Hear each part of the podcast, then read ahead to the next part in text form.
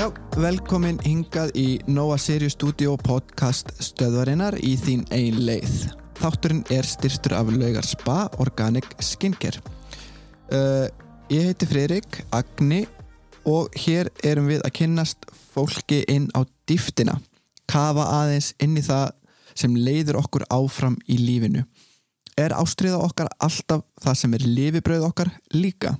Ætti það að vera það? Uh, þetta er svolítið þema þáttarins í dag og uh, gestur minn hér í stúdíónu er kona sem fer sínar einleiðir. Hún starfar sem verkefnastjóri Kramhúsins í bænum og kennir þar einnig. Hún er uppistandari og handrits höfundur. Þannig að hennar líf snýst mikið um að vera skapandi, vinna með eigi brand og við ætlum einmitt að ræða þessa hluti aðeins.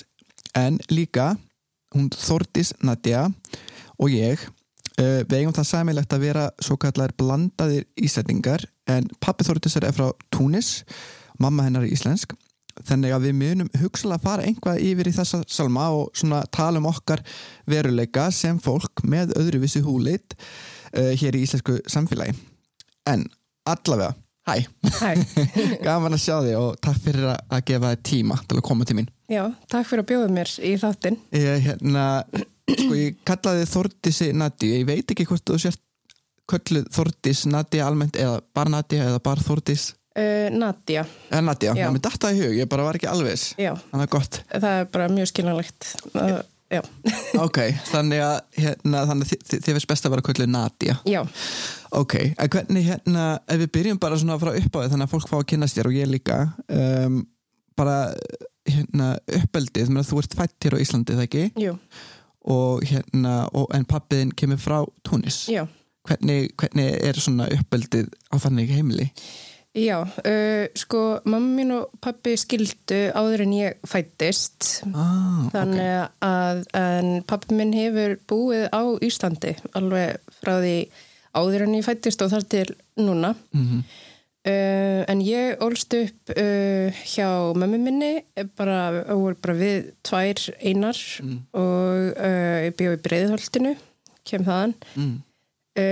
en við fluttum síðan til Svíþjóðar í nokkur ár þegar ég var lítil mm. frá fjagra til sjöra og það var svolítið fyndið svo kem ég tilbaka til Íslands mm. og byrja í skólanum og tala með sænskum hreim og með Erlend eftirnafn Já. og ég held að þá svona fyrst fann ég, fann ég fyrir að ég var eitthvað öðru í þessi mm. og hérna og það var alveg svona, var oft sagt við mig var svona, eh, krakkarnir voru oft bara svona að spyrja mig okkur ég talaði mér reym og það heldur allir að væri að því að væri brún. En það var bara því að ég hafi búið í Svíþjóði í þrjú ár.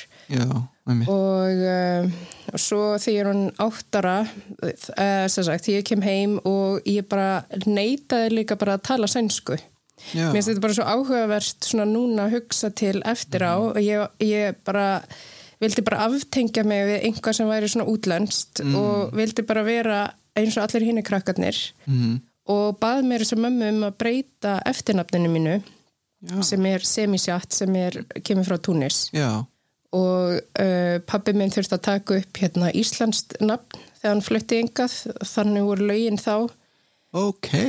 Þannig að hvað, hérna ef ég má spyrja, hvað heitir pabbi og, og í hvað þurfti hann að breyta? hann heitir Larip mm -hmm. uh, en hann sagt, hann má halda því en hann þarf að sagt, taka fyrsta nafni verður þannig að það breytist eins og verður bara millinafn.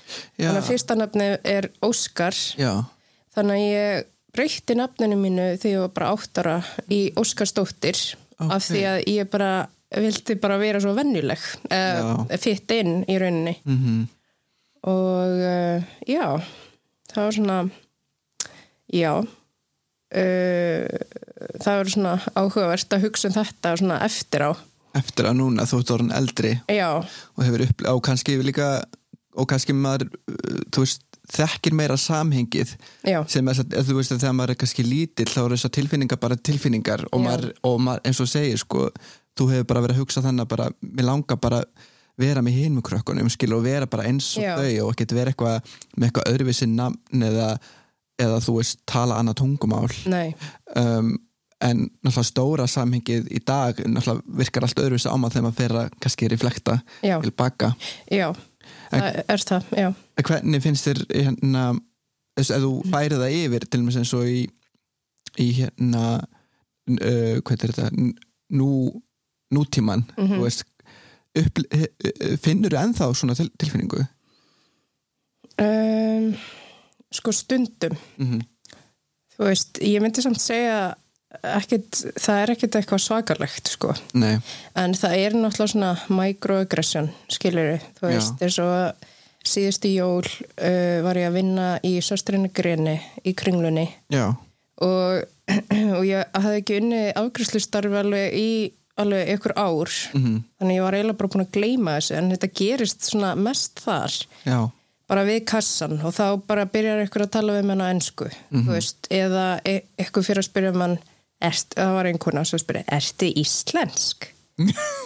og, Alveg svona, með Já. svona tón alveg og hérna, ég hef ekkert rosalega mikla þúli með fyrir þessu, þetta alveg fyrir mína fínustu, sko þú veist, en ég myndi samt segja, sko það var á tímabilið sem þetta gerist miklu meira svo finnst mér núna, núna held ég að fólk sé hérna á Íslandi miklu meðvitaðar og mér finnst þetta að vera svona vera minna og minna og svo núna finnst mér þegar þetta gerist er ég bara, ha, byrju hvað plánutu býr þú eiginlega eða þú veist, hérna já, en það var samt líka sko uh, þegar ég var að alast upp eða þegar ég var uh, 14 ára mm. þá flutti ég sko til Namibíu. Já, í Afriku uh, og það kom til bara sagt að sýstirinn að mömmu og maðurinn hennar, hann var sagt að fara að vinna þar. Og uh, þegar dóttur sem er jaggum mér, Já. hún, var bara frá einn þannig að þau byggðu mér að fara með. Á, og það var held ég líka svolítið áhugavert upp á sko, ef maður er að pæla eitthvað í lítarhafti eða eitthvað þannig, ég menna frænka mín sem er með mér, hefur ég fór með hún er bara hvít. Já. Og ég er svona brún á litin og þar var mjög áhugavert að hérna samfélagi þar skiptir svolítið niður í skilur bara svartir mm. og svo blandaðir Já. og svo hvítir. Já, og það er svona svolítið stjættaskipting þú veist, því dekkri sem þú ert því eiginlega sko lægsettur ertu í samfélaginu allan að þá. Ég veit ekki hvernig þetta er þarna í dag. Mm og þannig að það var mjög áhugavert þú veist, Þú hefur tekið eftir þessu, þú var 14 ára. Já, þú veist ég held ekki þannig endilega sko að fólk hafi verið með einhverja fordóma eða eitthvað þannig. Mhm. en náttúrulega fyrir að fyrsta þá skildi enginn að ég væri frá Íslandi. Nei. það fannst öllum það bara ha, ótrúlega absúrt já, en þarna var svona viss flokkun á fólki Já. sem ég hafi bara ekki upplifað hér á Íslandi. Nei, og það var bara held ég mjög lærdomsríkt og ég held að það líka veist, og líka náttúrulega því ég bjó í Svíþjóð þá bjöggu við í Rosengård í Malmö já, Sem er- já, þeir hérna tala svona skánsku þar. Og hérna uh, og það er til dæmis uh, bara þetta er bara innflytjenda hverfi. Og þar var ég bara í kringu krakka sem voru bara allstaðar að úr heiminum og þannig. Og svo er alltaf rosa spes að koma aftur til Íslands þar sem er svolítið bara þessi monokultúr. Já, og meiri hluti fólks er bara eins á litin ef maður getur sagt það. Einmitt. Þannig að já, Einmitt, nákvæmlega. En þannig náttúrulega færðu strax frá unga aldri bæði svíðu og þarna.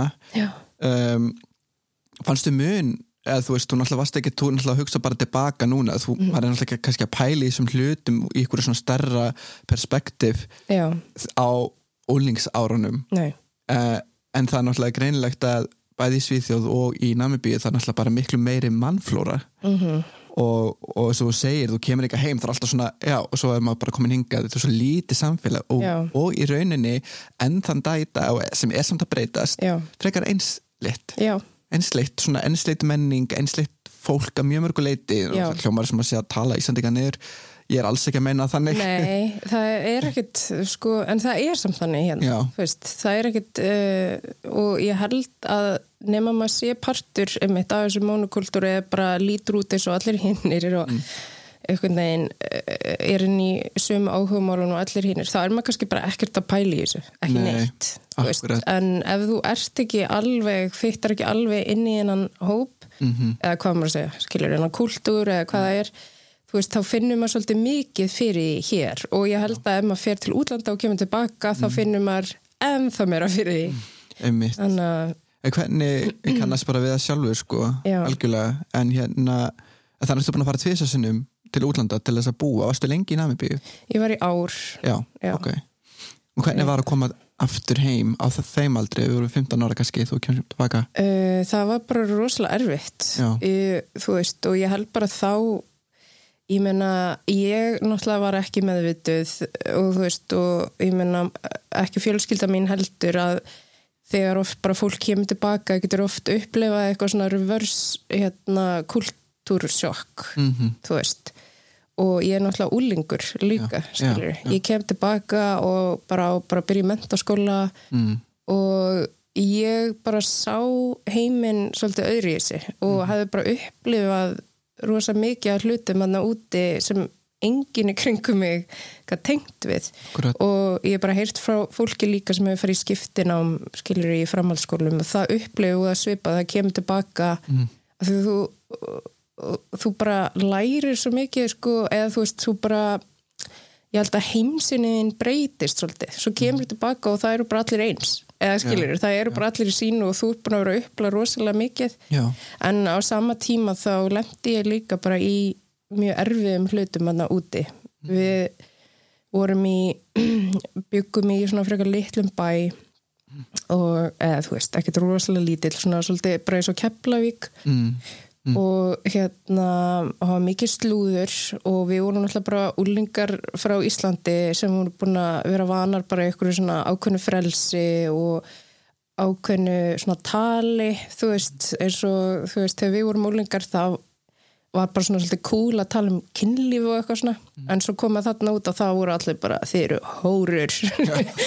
Þú veist, þetta var svolítið svona ekstrím og fólk var kannski svolítið svona voru mjög svona ströngum skóla og, og Er, fyrir ekki, bara, er hérna uh, trúabröðin í Namibíu, var, var það stert, er, er það muslim eða katholsk? Nei, eða- það er held ég, ég er bara ekki alveg með að reynu sko hver svona þjóðatrúin er en hérna, nei það var bara þessi skóli, þetta var svona breskur engaskóli Ok, sem lagði bara rosalega mikla áherslu á kristni, kristni trú já, kristni trú Mm.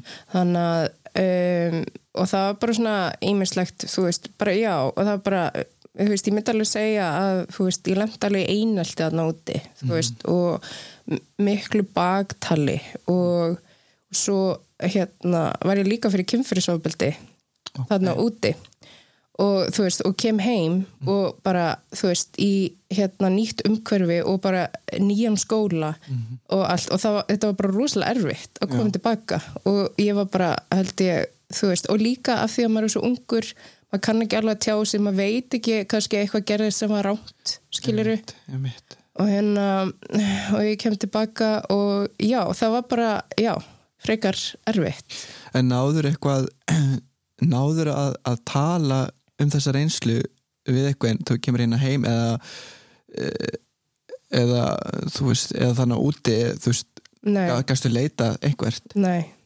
Mm. og mér datta ekki eins og í hug skilur, Nei, þetta var nei. líka bara á þessum tíma var bara svo lítil umræða um þetta.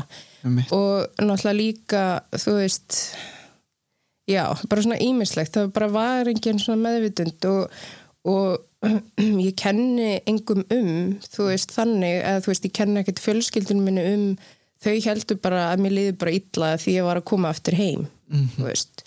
En það er ekki fyrir hann bara, jú, bara mörgum, mörgum árun setna, þú veist, að ég segi frá því. Já, segir þá fóreldurinn frá því eða bara einhverjum kringum þig? Já, ég sagði sko frængu minni fyrst sem var með mér aðna úti. Um mitt, um mitt og sagði henni fyrst frá því og, og svo sagði ég mömmu. Og en ég var nú ekkert eitthvað eitthvað opinbyrað þetta þú veist þannig, þú veist en það bara samt tók, ég held bara og mjög oft þegar gerist eitthvað svona fyrir mann sem barn eða úlingur, það bara tekur mann oft bara mjög langa tíma að fatta hvað gerðist, algjörlega, maður heldur bara að þetta var bara eitthvað sem bara næst í eðlilegt. Akkurat, akkurat. En hvernig, hvernig var svo ferlið um, upp frá því, þú fegstu salfræðilega hjálp hérna heima til, a, til að vinna því gegnum, gegnum þetta áfall, þú veist, eða? Já um, Já, það var bara miklu setna sko, þá fór ég til sálfræðings mm, og, uh, og fór líka til stígamóta. Já, og, en þetta er samt bara eitthvað sem þú ert alltaf að vinna úr Einmitt. þetta er ekki bara eitthvað að maður fer og bara já, hérna er nú er ég búin að höfja sálfræðingi í ár og núna er ég bara þú veist, út af því að ég held það ég var bara, ég er bara búin að vinna úr þessu núna er ég bara góð, good to go Mhm. og svo bara áður en veist af þá gerist eitthvað og, og hérna og þú já, Já. Mm. þú ert með tryggara og, og það leggst náttúrulega líka bara veist, á taugakerfi og allt skilur Mhm. allt þetta, þannig að maður er alltaf einhvern veginn að vinna úr þessu Mhm. uh, og bara ímsu, öðru, skilur það var líka bara aðri hlutir líka sem gerist þarna uh, sem ég ætla ekki að fara að tala um en Mhm. þú veist, það var bara fullt af hlutum sem gerðust þarna Mhm. sem uh, bæði bara svona þú veist, slæmir og góðir já, sem var ekki þegar, ég kem tilbaka þá var svo erfitt að tengjast fólki fannst mér. Mm, mm, og ég sé þetta núna mi- miklu setna Einmitt. einmitt. ég var miklu þú veist, ég held ég var miklu meira áður en ég fór. Ég var bara í mínum vinahóp og ég upplýði mig bara sem jafningja. Svo kem ég tilbaka og þá líður mér rosalega mikið þessi út úr Ég á alla vegu og svo náttúrulega ofan að það þú veist, er ég blönduð skilur þannig að það spilar inn í líka. Einmitt. þannig að, já. En hvernig, hver var svona þín leið út frá út frá þessum nýja veruleika? Þú kemur hana heim og ert að glíma við að hafa, hafa lent í þannig ymsu já, hvernig, úr því ef við förum bara að pæla þess í, þú veist, hvaða leið þú hefur sér farið í, þú veist dans, uppistand, eitthvað svona skapandi hvar, Já. Mér svona dettur í huga að spyrja hvort að það hafi myndað svolítið út frá þessu. Já, ég sko eins og ég segi, maður sér þetta alltaf eftir á Mm. þú veist, ég hérna ég er svolítið svona ég er kannski svona típa þú veist, ég er svolítið random. Mm. en á sama tíma sé ég alltaf eftir á að það er alltaf ástæði fyrir okkur ég fór eitthvað ákveðna leið. Mm og ég held til dæmis að þegar ég byrjaði svona, ég hef alltaf verið eitthvað smá í dansi og haft áhuga á dansi Mhm. þú veist, en svo þegar ég er hérna í kringum tvítugt þá fyrir ég að æfa magadans. Já, og ég held að það er þú veist, það er engin tilvílun það var bæði sko ég voru svolítið heitluð tónlistinni. Mm. það var eiginlega það sem dró mig inn í magadansin. Og hérna og ég ólst ekki upp eða sko pappi minn já, þú veist, hann býr hérna en þú veist, við erum ekkert rúslega náinn skiljur við, við eigum ekki svona náið samband. Mhm. þannig að en alltaf þegar ég hef heyrt arabíska tónlist eða tónlist frá miðausturlöndum það er bara, ég man bara frá því bara alveg frá því ég var bara sjö ára. Mm. það er bara kveikti bara, þú veist á, á ykkur inn í mér, þú veist. Það er bara svona, eins og ég sé bara með ykkur gen sem bara lifna við þegar ég heyra þessa tónlist. Mhm. og þannig fer ég svolítið inn í magadansin en svo ef maður fer aðeins að pæla í magadansi bara, þú veist þú veist, hvað, ert að, hvað svæði ert að vinna með mest? Þú ert að vinna með mjöðmennar þú ert að vinna með uh, þú veist, hérna þú veist, bara þetta svæði í rauninni sem er kannski búið að brjóta á þér eða, þú veist, og þú veist að ná einhverju stjórn.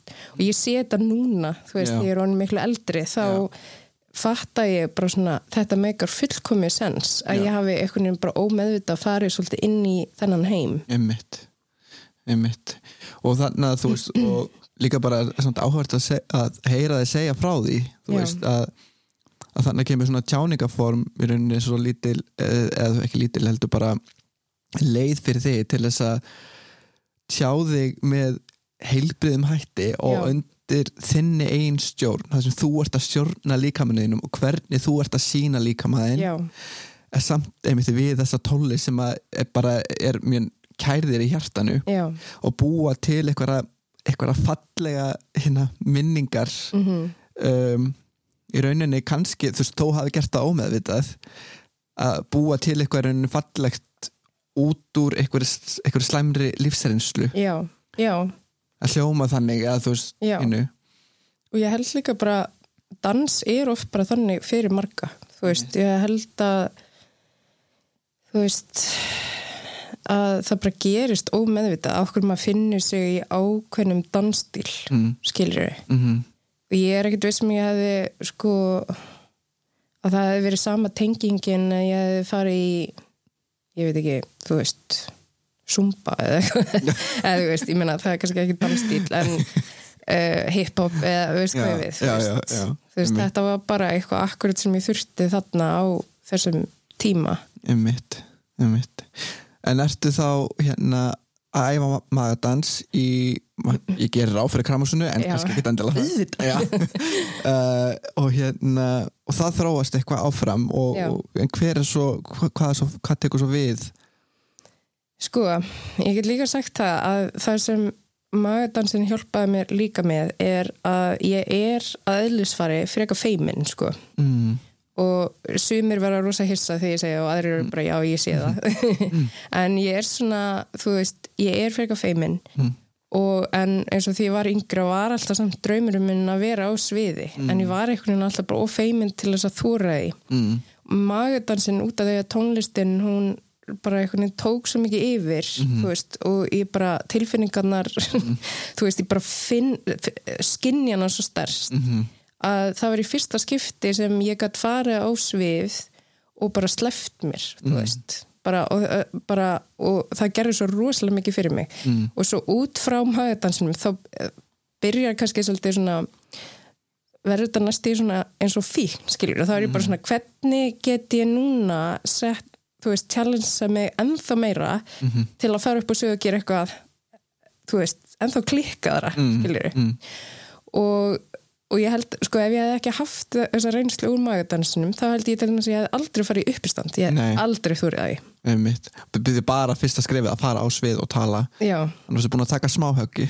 já, já, en svo hérna, já, við erum búin að sem sagt, vera í magadansinum í einhver ár og byrja að kenna magadansi í kramhúsinu og svona. Mm, og svo bara kemur að því að hérna, það er að byrja eitthvað svona uppistandsina hérna á Íslandi og sem hafði aldrei verið áður. Þú veist, það hefði alltaf bara verið ykkur nokkri grínistar og þú veist, af ákveðinu kynnslóð þú veist uh, og það var ekkert mikið á ungum uppistandurum eða grínustum svo byrja þeir hérna með Ísland þeir byrja, mm. voru með kvöld á Karamba, ef mannst eftir þeim stað. Mm, þú kannski bjóst úti þegar það var. Jó, öruglega einhver stær Já. en það var skemmt staður neyri bæ. Já. þeir voru byrjar uppstandskvöld og mér fannst þetta sjúklega spennandi. En ég var bara eitthvað, hvað eru stelpurnar? Okkur eru einhver stelpur í þessu? Og bara hvað er málið? Og ég var að vinna á bara á þessum tíma þannig að ég ákveð bara að skipilegja svona kvöld þar sem er bara konur að koma fram. Og ég gerir auglýsingu og auglýs eftir konum og rosalega margir sína þessum áhuga. En enginn vill taka af skarið og fara upp á svið. Mitt enginn.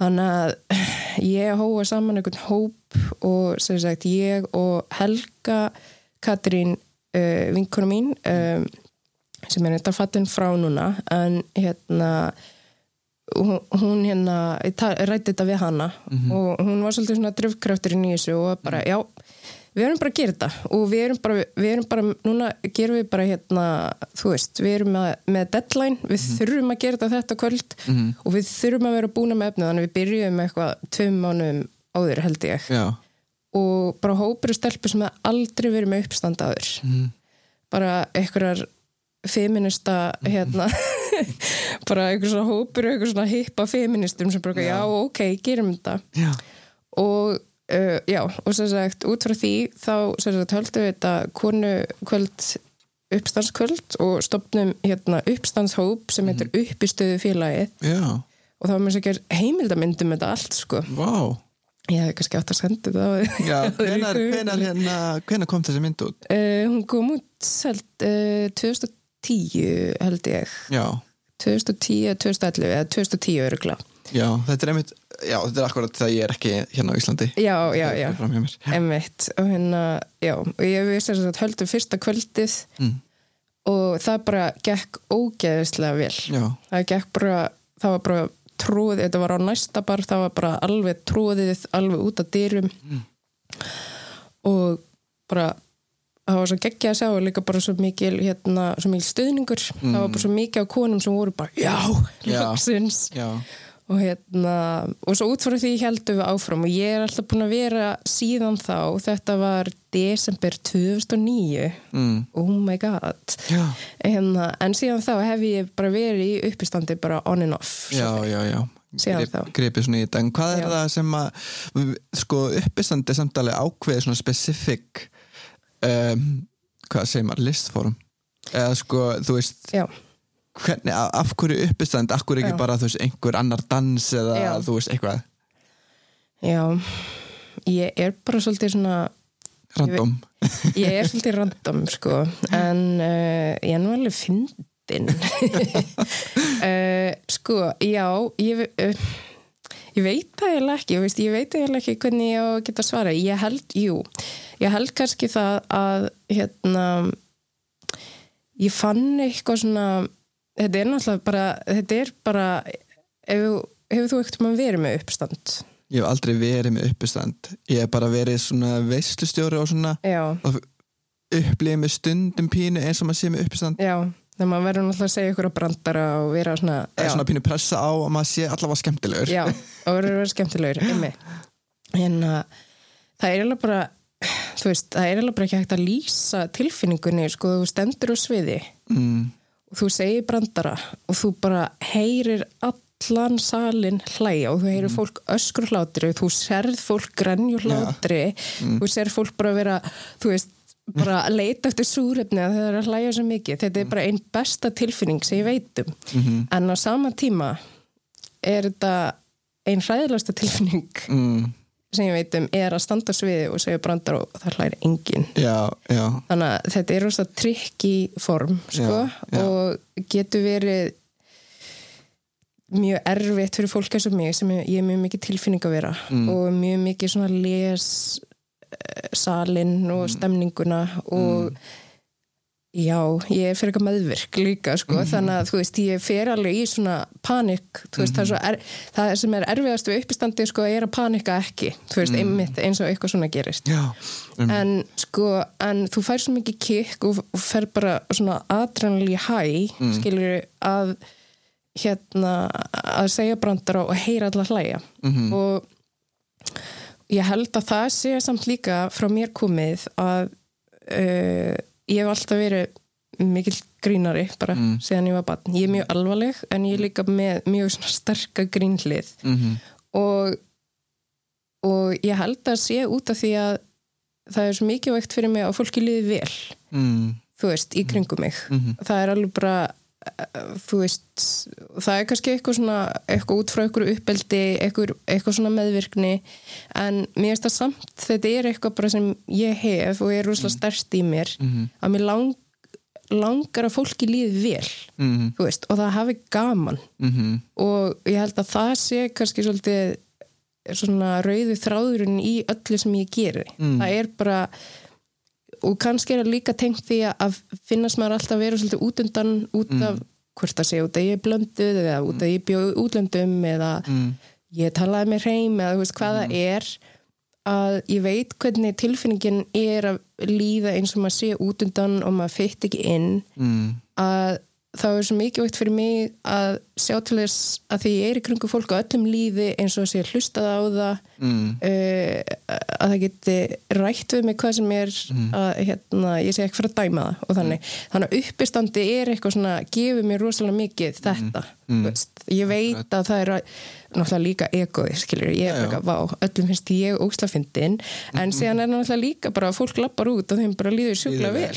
já, já, um mitt Vá, maður magna af því ég tengi svo stert við þetta sko, Já. sjálfur. Já, og ég meina við kannski erum á, svona svipuðum erum er, að gera svona svipa hluti ekki Já. að suma hlutina en svona svipa og, og komið kannski frá svona uh, svip eða þú veist, náttúrulega svipum bakgrunn Já. þannig laga skilur þannig að það er kannski þess vegna sem að maður svona, já, hvað ég tengi stert við bara akkurat þetta, þetta er bara en svo lýsið með uppistandi skilur tilfinningin að vera hann og líka sjá, þú veist, bara í augunum á fólki og tengja við fólk og sjá það líðu vel og þegar þú ert að gera eitthvað sem að lætu fólki líðu vel Já. auðvitað næri þetta egoið líka einhver Já. leiti og það er alltaf lægi, við Já. þurfum að næra það Já, þú veist, en hérna uh, en það er einmitt áhverð, þú sagðir hérna varandi þú veist að vera tilfinningavera Mhm.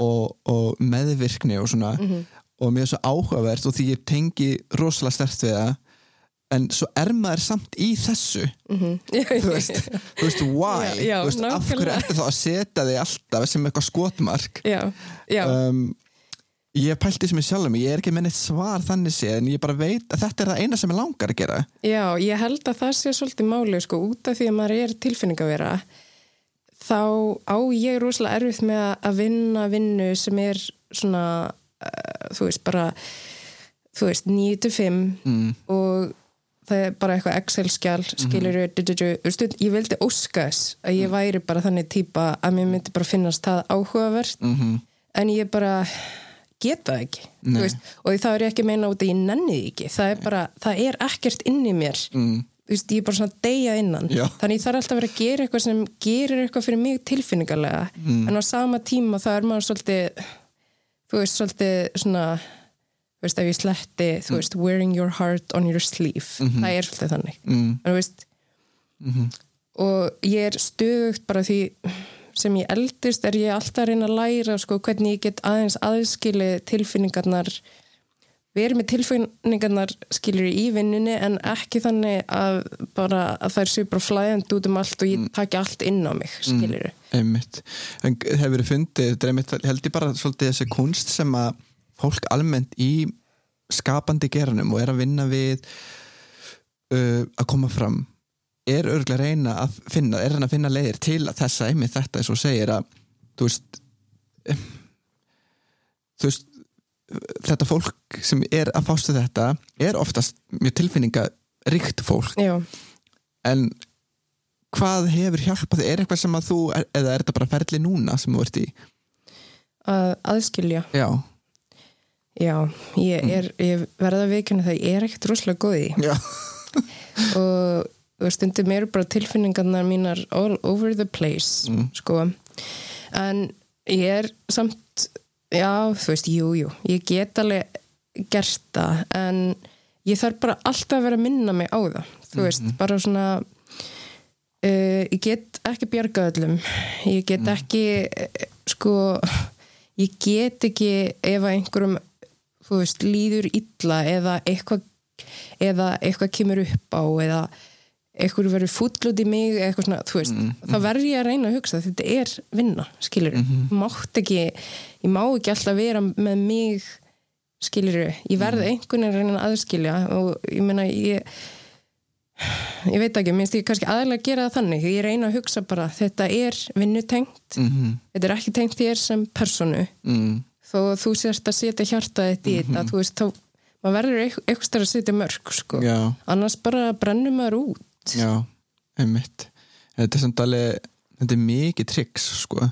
Já, og ég held að maður sé bara einhvern veginn svona stöðugt að einmitt, eins og segir, minna sig á þetta. Bara um leiðum að lendir í þessum aðstæðum þar sem maður er fyrir svona pínu uh, persónulegu höggi já, það er bara svona, já, ok, þú veist minna, þetta er bara um, þetta er bara afleggingin af því að ég er bara hérna hjarta mitt skilur og þú veist, það er ekkert allir sem eru bara að fara að, þú veist, halda utan um það og vera að klappa því, skilur, Nei. það eru sem sem er bara, þú veist, trafka á því og bara, það kemur þér ekkert við, það er bara, þau Já. sjá bara ekki hjarta þitt og eru bara á sinni eigin skilur ferð að gera Já, eitthvað nákvæmlega og ég meina, svo er þetta bara, þú veist, auðvitað, þetta er alltaf bara ferli og maður verður líka bara að vera þólumöður við sjálfan sig, Mhm. ef maður er ekki vanur því að aðskilja tilfinningarnar frá vinnunni, þú Mhm. veist, sem ég hef venjulega aldrei gert, mm þú veist, svona meðvitað, Já. veist, það er bara með tímanum þá bara fatta ég, já, ég þarf að aðskilja mig, eins og bara með uppistandið, -hmm.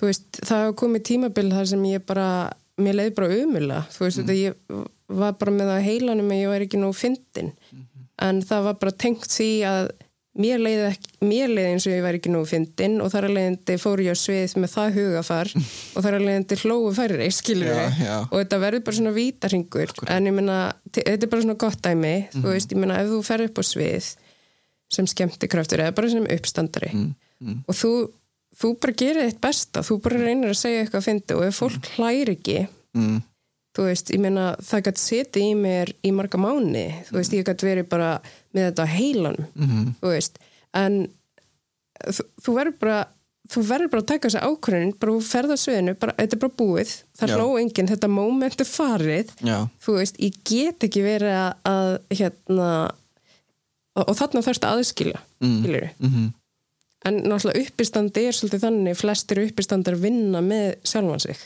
Þú veist, og þú ert líka þetta er náttúrulega líka kannski veist, að gera sjálfa þig svolítið svona berskjaldaðan. Já, og þú veist að tala um kannski alvöru hluti sem gerist fyrir því alvörinni mm, þú veist. Og hérna þannig að uh, já, mér finnst ég núna sko bara með aldrunum, mér finnst ég orðin aðeins betri í þessu sko að venda mig, mhm, passa upp á mig að ég sé ekki hérna að taka allt inn á mig.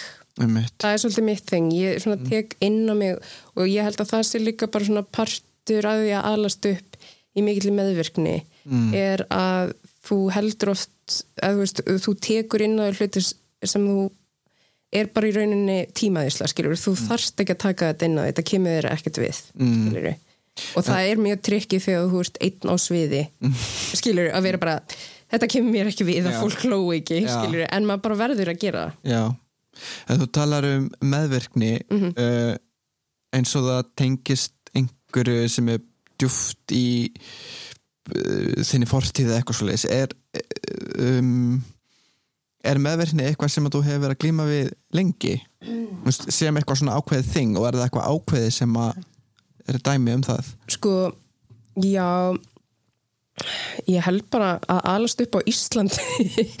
Gerir maður bara svolítið, ég meina þetta er rosalega lítið þjóðfélag, veist og ég held að þetta sé bara, þetta er náttúrulega bara í mörgum fjölskyldum. Og ég meina þetta er mjög mikil meðverkni í minni fjölskyldu. Og ég vona þau mögust ekki ef þau eru að hlusta þetta. Nú er ég að vera meðverk já, ok. Sorry, sorry fyrir ekki, fyrir ekki. En að, uh, nei, þú veist, ég er 100% með, ég veit alveg hvaðan þessi með, meðvirkni kemur mm, og hérna og en ég verði alveg viðkynni, ég get unni sko eitthvað svona markvist í henni en ég geri mig grein fyrir hvenar ég er að vera meðvirk og hvenar ekki. Mm, og hérna og einmitt þetta, ég er svolítið með hann tendars að mér langar að bjarga fólki. Mm, og, og hérna og það er rosa stærst í mér þú veist, að vilja, eða sko ekki bjarga mér langar að hjálpa, mér langar alltaf að hjálpa öllum. Mér langar bara að vera svo góð og hjálpa öllum, mm, en það er ekki hægt þú veist.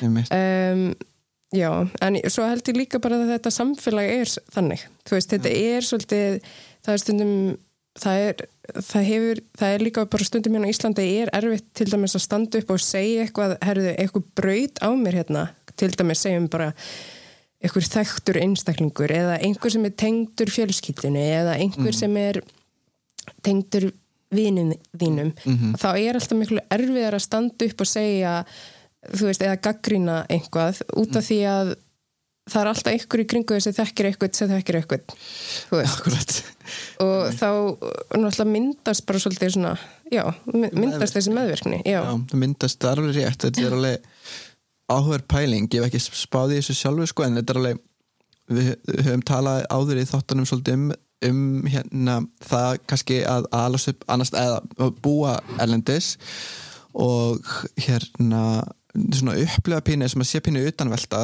þjófælegin þá maður kemur tilbaka Já. og hérna og þú konsentar að sína á það líka að hérna og það er þessi svona buddy, buddy feelingur á Íslandi rosa mikið, það er svolítið verið að verja sinna nánast að því allir þekkast bara einhvern veginn. Já, og að þú ert ekki, þú veist það er rosa erfitt að, einmitt þess að segja standa upp og segja eitthvað þú veist, þannig að í staðin þá er allir bara pínu þakkaðir frekar. Já, já þú veist, en auðvitað er þetta búið að breytast rosalega mikið finnst mér bara uh, síðustu ár, Já. þú veist það bara, og góða við það að búa í samfélagi, það er svona litlu samfélagi líka, er að þegar verður eitthvað svona vakning þá Mm. gerist breytingin, hún gerist oft svo hratt algjörlega þessum, ef maður horfir á hérna eins og hérna prætgönguna, þú veist Mm. hvernig hún byrjaði bara eitthvað pínu lítil og bara fyllt af fólki sem var bara mjög mótfallið þessu, þú veist, Algjörlega. þetta bara já, fannst þetta bara ykkur viðbjöður, þú veist og núna í dag finnst manni bara skrýta að hugsa til þess að þetta er næstu í bróriðin að ykkur svona fjölskylduháttíð Já. og fólk fyrir nýri bæ að horfa á prætgönguna Mhm. þannig að, þú veist, Einmitt. já En hérna, ef við notum svona þinn feril og bara það sem Já. þú gerir sem svona hérna rauða þráðinn út af því við fórum hana, þú ert uh, í uppistandu og ert búin að vera í því svona on and off uh, en handrit höfunda hérna konseptið og, og það að, að, að læra það, Hve, hvenar fórstu í það? Já, ég sko fór, ég er líka sviðshöfundur. Já, vá Ó, þú ert svona eins og ég sem gerir allt. Ég er bara eitthvað all over. Ég sem sagt fór í listaháskólan á sviðshöfundabraut Já, og þar er rosa mikill fókus á leikhús eða, þú veist, náttúrulega svið. Mm. Og, og þegar ég var í því, þá bara áttaði mig bráði fyrir mína parta, þá var ég bara svolítið svona, ég held að leikhús sé ekki miðillinn. Mm, uh, þá er ég að tala um bara svona hefðbundi leikhús. Er bara ekki miðill sem ég mig langar að nota. Mm, og mér finnst þetta bara erfitt og mér finnst þetta svona gamaldags og einhvern veginn af því að það sem ég var alltaf að reyna að hugsa ég var alltaf að reyna að hugsa að mér langaði að gera verk Mhm. sem veri aðgengilegt öllum. Mm, og leikhúsin eru það bara ekki. Nei, þau eru ekki, það er sjúklega fyrir að fyrst það er ókslega dýrsta fyrir leikhús. Og uh, öðru lagi þá bara þú veist hérna, það er mjög dýrst að fara og svo er líka bara að upplifun er oft öðru í þessi skilur Já. og, og mér líð, ég til dæmis ekki alin upp í að fara í leikhús bara enga veginn. En ég ólst upp að horfa óslega mikið á sjónvarp og bíómyndir. Mm. þannig að það er kannski svona nær mér og í því námi var ég bara svona nei, ég held bara og ég hef alltaf haft áhuga að skrifa líka þannig að ég hugsaði bara mér langar að skrifa, þú veist, handrit Mhm. sem helst væri bara þú veist, þá sínt í sjónvarpinu bara á rúf, þannig að allir geta séð það. Og það, það þarf ekki að borga fyrir það þú veist, þannig að það var alltaf svona mín hugsun. Og líka bara ég að hugsa um fjölbreytileika og þannig og það er bara miklu erfiðara það er kannski ekkert að endilega erfiðara með leikhús en það er samt svolítið, það er bara svona þú hefur aðeins meira frelsi það eru svona vissir hluti sem þú getur gert í sjónvarp og bíómyndir sem þú getur kannski ekki gert á sviði og öfugt. Mm, allana, en út frá því ég kláraði hann að námið í lista áskólanum og fór að vinna auglýsingastofu sem var ógeðslega leðilegt og ákvaði síðan bara að fara flytja til New York og fara í handritsnám þar. Já, já, já. og þetta var svona ársnám svona diplóminám. Þannig að þú ert í ár bara í skólanum og svo færðu ertu eitt auka ár í starfsnámi Mhm. þannig að ég gerði það og kom heim bara fyrir ári síðan, næsti ári síðasta desember já, Og varstu, er þetta handritsnám um, fókusera á þessi miðurinn kveikmyndir eða sjónvarp eða þannig? já, já. og sjónvarp já. Já, ok. Og hvernig, og fannst þér þú geta, fannst þú fitta meira inn í þarna þetta nám með að við eins og leikús já, 100% eitthvað sem þannig, já, al algjörlega, þú vissir það 100%. kannski alveg fyrirfram. já, ég var ekki alveg viss sko, en það var líka bara ég held bæði skólinn var öðru í þessi þú veist, það var kannski líka bara það. Mér fannst ég ekki alveg fi- ég fann mig kannski ekki alveg í listafaskólanum en það var kannski bara út af því það sem við vorum að vinna með var mm. kannski ekki nú áhugavert fyrir mig. Mm en uh, þarna uh, mér fannst þetta bara en þarna var líka bara eitt fókus, það var bara handrit. Meðan í listafaskólanum þá ertu bara að læra alls konar. Og, hérna, og mér fannst bara geggjað að geta verið bara einbytta mér að skrifum okkur um einasta degi bara með leiðbynendur skilur, bara með Já. kennara sem eru að hjálpa þér að skrifa handrit og eru að leiðbyna þér hvernig þú getur gert það betur Mm. og að búa til sögu. Þannig að, já Jú, ég myndi segja að kannski svona fílaði mig aðeins meiri þessu en það er líka sjúklega erfitt að skrifa handrit það er Já. ekki auðvilt Nei, nei, einmitt, ég get alveg ímynda með það Já, Ég er bara, en hvernig var að búa í New York? það var bara sko það var fyrsta orðið sem kemur upp í hugan bara geggjað skilur Já. en það er náttúrulega allt þú veist, það er allt þar á milli líka mm Mhm. það getur líka verið alveg umilagt Mm. en ég fílaði New York mjög vel út af því að uh, bara aðalega út af bara það sem ekki fjölmenning Mm. og, og bara í fyrst skipta æfinni af því að í New York það er bara mjög algengt að fólk spyrja hvaðan ertu? af því að það eru svo rosalega margir aðfluttir. Einmitt. Og hérna þannig að það var alltaf vera að spyrja mig hvaðan ertu? Og svo sagði ég, ég er frá Íslandi. Já, ok, cool en hérna, þú lítur samt ekkert út fyrir að vera íslensk. Mm. og það er eitthvað, já, pappi minn er frá Túnis og það var bara, já, ok cool. Og það var bara búið, skilur við meðan hér er þetta alltaf bara svona ha, byrju, Túnis hvernig komst pappiðin hinga og byrju, er mammaðin og pappir saman?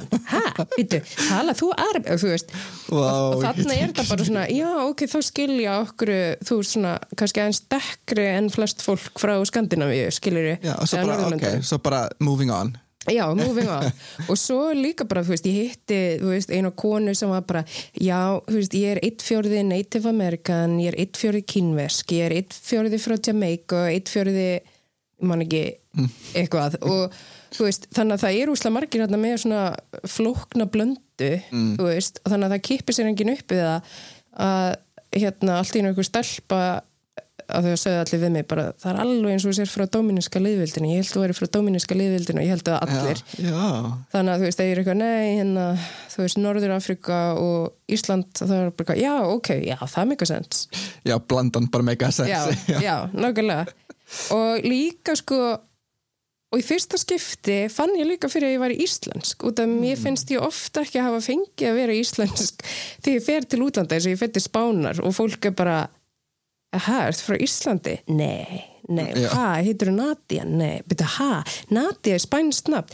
Byrju, þú ert eitthvað held, bara, fólk heldur bara hreinlega ég segja að ljúa svo þarna, veist, og þá fæ ég aldrei tækifæri fyrir að vera skri, eða skilur Íslendingur einhvern veginn, en svo þarna þá var bara, var alveg ofta fólk sagði mér bara eitthvað elskar reyminn þinn og talar eins og björk og, Já. og ég var eitthvað, yes, núna er ég núna trúi fólk því að ég sé íslensk. Einmitt, sem ég einmitt. Þetta er mjög áhugavert og ég veist, tengi mjög mikið vita sjálfur, skilur líka þessu svo bara Íslandi.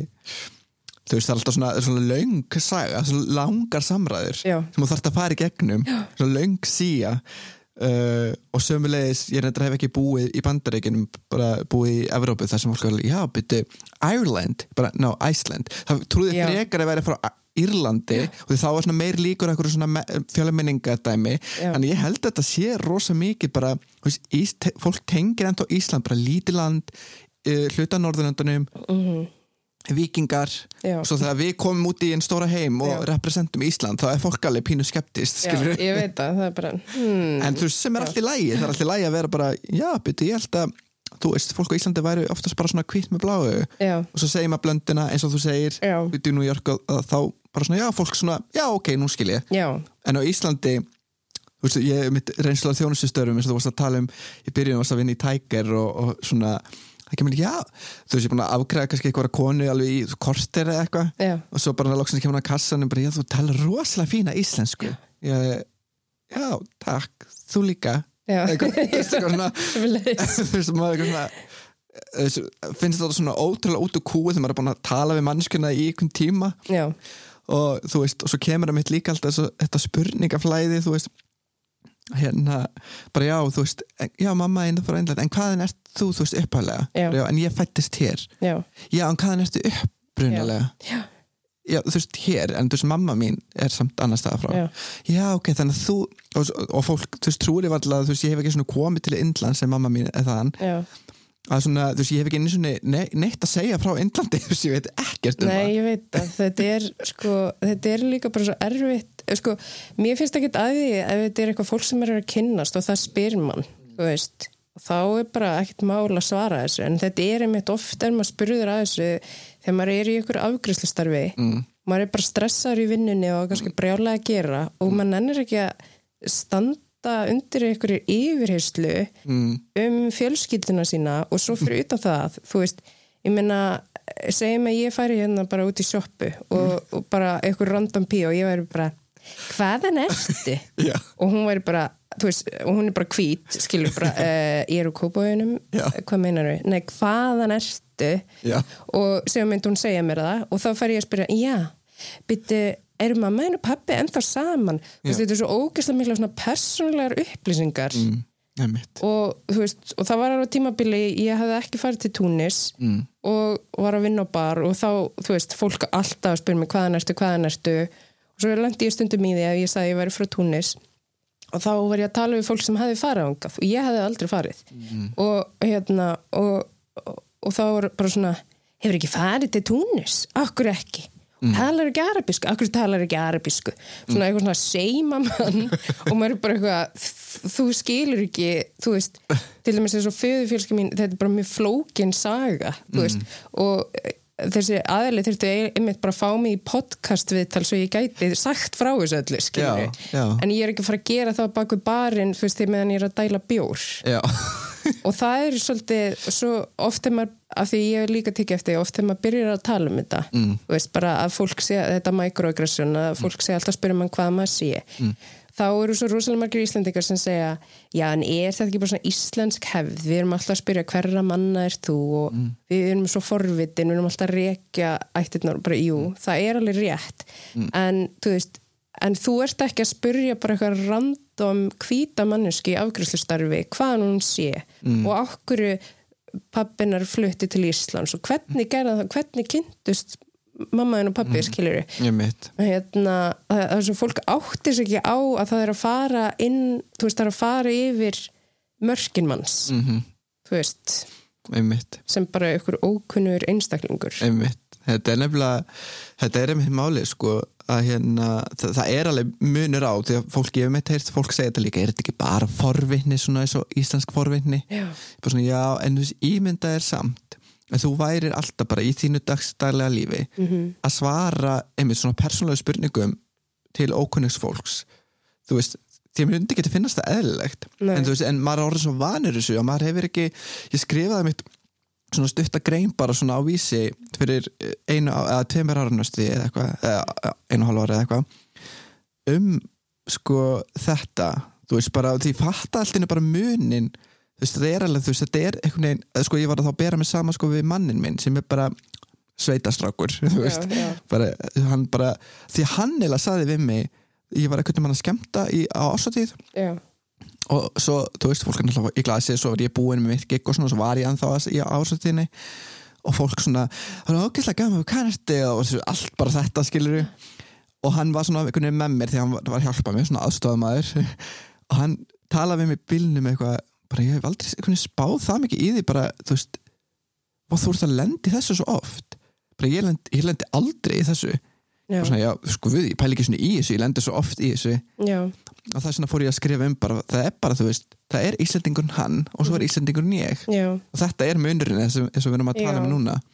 Ég er líka verið að pæla sko hvað þetta gerir sko þetta er microaggression að þetta er ekki beint sko eitthvað svona blatant fordómar. Mm en ég vil líka vera að pæla sko þú veist hvernig áhrif þetta hefur á sjálfsmyndina manns. -hmm. ég held í alvörinni að þetta getur líka búið til svolítið svona imposter syndrom hjá manni. Mm. að því þú ert alltaf þú veist, það trúið þér enginn. Sama hvaða svar þú gefur það er alltaf bara, ha þú ert ekki íslensk, þú ert ekki íslensk, þú ert ekki svona Mm. svo náttúrulega er það, það er líka eitt bara sem að dila líka við sem kona, þú veist Já. að fólk takið ekki svona trúverðuða bara af bara eitthvað svona ómeðvitaður fordómar, mm. skilur og, og þetta allt einhvern svona helst í hendur og svo eru líka svona hlutir eins og þú veist ég myndi segja bara ég myndi segja kannski svona 70% af þeim skiptum sem ég hef farið í pröfu fyrir eitthvað að leika í einhverju Mm. það er ég beðin um að koma í pröfuna af því ég er brún, skilur og hérna og ég held að flesti leikar að landi í því auðvitað líka skilur að vera tæpkastaðir mm, mm og hérna en það var bara, ég er búin að fara í tvær pröfur á þessu ári í bæði skiptin.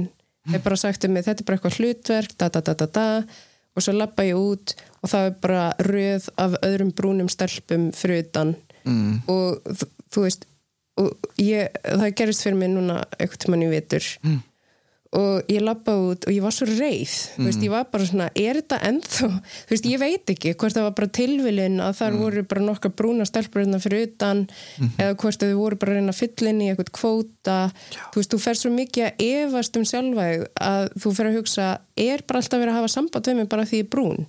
Af því ég á að fylla upp í eitthvað eitthvað uh, litakvóta skilur eða er verið að tala við mig af því að ég er ég? Mm veistu hvað ég við einmitt að þú veist, af því að fólk er alltaf svolítið, svo líka þetta þú veist, einmitt, hvaðan ertu það er alltaf verið að benda á að þú ert ekki one of us mm. skilur mm og ég myndi segja líka, þú veist, eins og því ég var alast upp á Íslandi mm. þú veist, þegar ég var lítil, mér finnst ég ekki að lendi í miklum fordómum Mhm. þú veist, ég fekk meira svona hrós þú veist, það var bara, ó, þú ert með svo fallegan húðlit og mm. vinkunum mínu voru allt bara, ó, ég vildi ég væri svona brún eins og þú, Mm. en þetta er samt alltaf þú veist, þetta er ekki fordómar, veist, þetta er bara þetta er í rauninu bara fallegt. Já. en þetta á sama tíma, veist, það er alltaf að vera að benda á og þú ert öðruvísi en hinnir það er samt alltaf, já, fókusin er samt alltaf þú á, já, ég er öðruvísi. Já. sama þótt að í rauninni, sko, orðin séu falleg og það séu í rauninni rós það samt, já, þótt að sé rós það samt fyrir hugurinn þinn eða hugur manns að, Já. að, að, að sjá samt hvað þú ert frábriðin fókusin er alltaf það, sko. Já, en það er mitt áhverð að tala um, sko, farið pröfur og typecasting og svona. Já, þú veist, maður hugsa kannski einhver leiti kannski er gott að fyrirtæki, auðlýskastofur kvikmyndagera fólk og uh, leikúsfólk Mhm. vonandi líka, það var nú smá dæmi hann í þjóðleikúsunum daginn sem Já. að kom upp á yfirborði,